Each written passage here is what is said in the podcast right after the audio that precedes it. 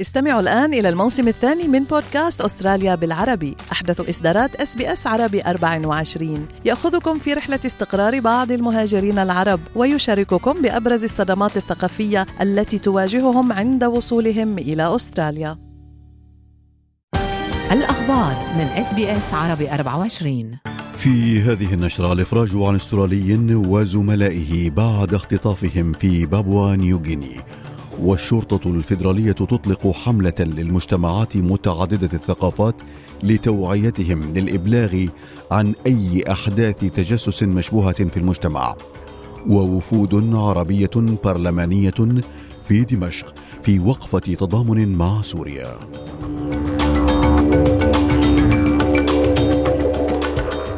علاء التميمي يحييكم وإليكم تفاصيل النشرة ونبدأ النشرة بخبر الإفراج عن عالم الآثار الأسترالي برايس باركر من جامعة جنوب كوينزلاند مع ثلاثة باحثين بعد احتجازهم لأكثر من أسبوع كرهائن من قبل مسلحين في مرتفعات بابوا نيوغيني.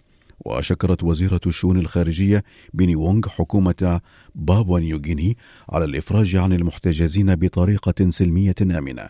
فيما قال رئيس الوزراء في بابوا نيوغيني جيمس مارابي إن النتيجة تحققت دون دفع فدية عبر عمليات سرية ومساعدة الشرطة وقادة المجتمع والمبشرين. في سياق آخر أطلق مركز طالبي اللجوء ASRC نداء في ولاية فيكتوريا قائلا إن التبرعات المقدمة إليه قد انخفضت بنسبة 45% منذ شهر يوليو من العام الماضي وقد أطلقت منظمة ASRC وهي منظمة إنسانية تقدم المشورة القانونية والدعم لطالبي اللجوء نداء بطلب الدعم العاجل قائلة إن مدخراتها لا تكفي سوى لمدة ستة أسابيع فقط وذلك وفق الرئيس التنفيذي للمنظمة كون كارابانجيوتيدس For 21 years, we've been standing with people seeking asylum and exposing the cruelty of our nation's inhumane refugee policies. Our savings are running out, and we have just six weeks to save the ASRC from stopping to deliver critical services. We are asking the community to help save a movement of hope, welcome, and compassion. Please help us keep our doors open. في سياق آخر أطلقت الجالية المسلمة في أستراليا حملة للتبرع بالدم في أكثر من أربعين مسجدا في جميع أنحاء أستراليا خلال عطلة نهاية الأسبوع كجزء من الحملة السنوية التي تنظمها الجمعية الطبية الإسلامية والصليب الأحمر الأسترالي تلبية للحاجة الماسة لكميات تبلغ حوالي 33 ألف أسبوعيا للحفاظ على امدادات الدم في أستراليا.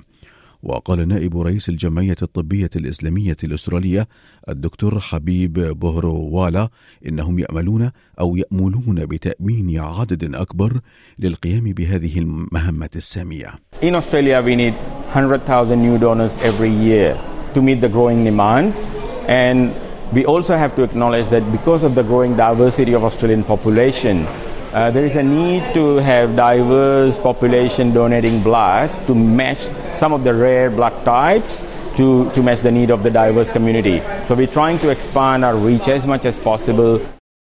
في سياق اقتصادي قال وزير الخزانة جيم تشالمرز إن الحكومة الأسترالية غير قادرة على القيام بالقدر الذي ترغب به لاحتواء التضخم الذي يبلغ حاليا 7.8 بالعشرة وأوضح أن التضخم بلغ ذروته لكن وتيرة الانخفاض أبطأ مما يود في ظل ضغوط عالمية تؤثر على اقتصاد استراليا.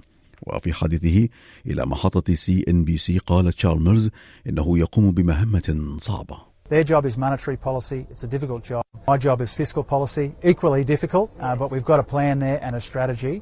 Uh, we think the inflation peak is behind us in Australia. We certainly hope that that is the case. But inflation will be a bit higher than we'd like for a bit longer than we'd like in Australia. وفيما يتعلق بالانتخابات في حكومة ولاية نيو ساوث ويلز القادمة أظهر استطلاع نيوز بول. الأخير أن التحالف رفع تصويته الأساس بنقطتين إلى سبع إلى سبعة وثلاثين في المئة فيما انخفض الدعم العام لحزب عمال نيو ساوث ويلز بأربع نقاط منذ شهر سبتمبر إلى ستة وثلاثين في المئة. فيما لا يزال الزعيم الأحراري دومينيك بيروتيه رئيس حكومة الولاية يفضل على زعيم المعارضة كريس مينز. فيما يتعلق بالطيران. سيتم نقل أمتعة مئات من ركاب شركة Jetstar اليوم بعد توقف رحلتهم من بانكوك إلى ميلبورن على مدرج مطار أليس سبرينغز وذلك لعدة ساعات بعد هبوطها اضطراريا لعلاج أحد الركاب. فيما اكتشف الطيار لاحقا عطلا كهربائيا أجبر الشركة لإيجاد رحلة بديلة. فيما قال بعض الركاب بأنهم علقوا على متن الطائرة لما يقرب من 14 ساعة دون المغادرة أو تقديم طعام. فيما قرر متحدث باسم جيت ستار أن التأخير كان طويلا ومحبطا وغير مريح للغاية على المسافرين. فيما يتعلق بأحوال الطقس وتحديدا في المقاطعة الشمالية تخضع المقاطعة حاليا لحالة ترقب من هبوب أعاصير هناك فيما حذر مكتب الأرصاد الجوية من حدوث ظروف طقس مدارية خطرة وشديدة فيما قالت مديرة الأرصاد الجوية في المقاطعة الشمالية. إن التهديد قد يمتد إلى جميع مناطق حتى حدود كوينزلاند We are issuing a tropical cyclone watch for communities um, from Groot Island and Aliangula all the way around to the Northern Territory and Queensland border.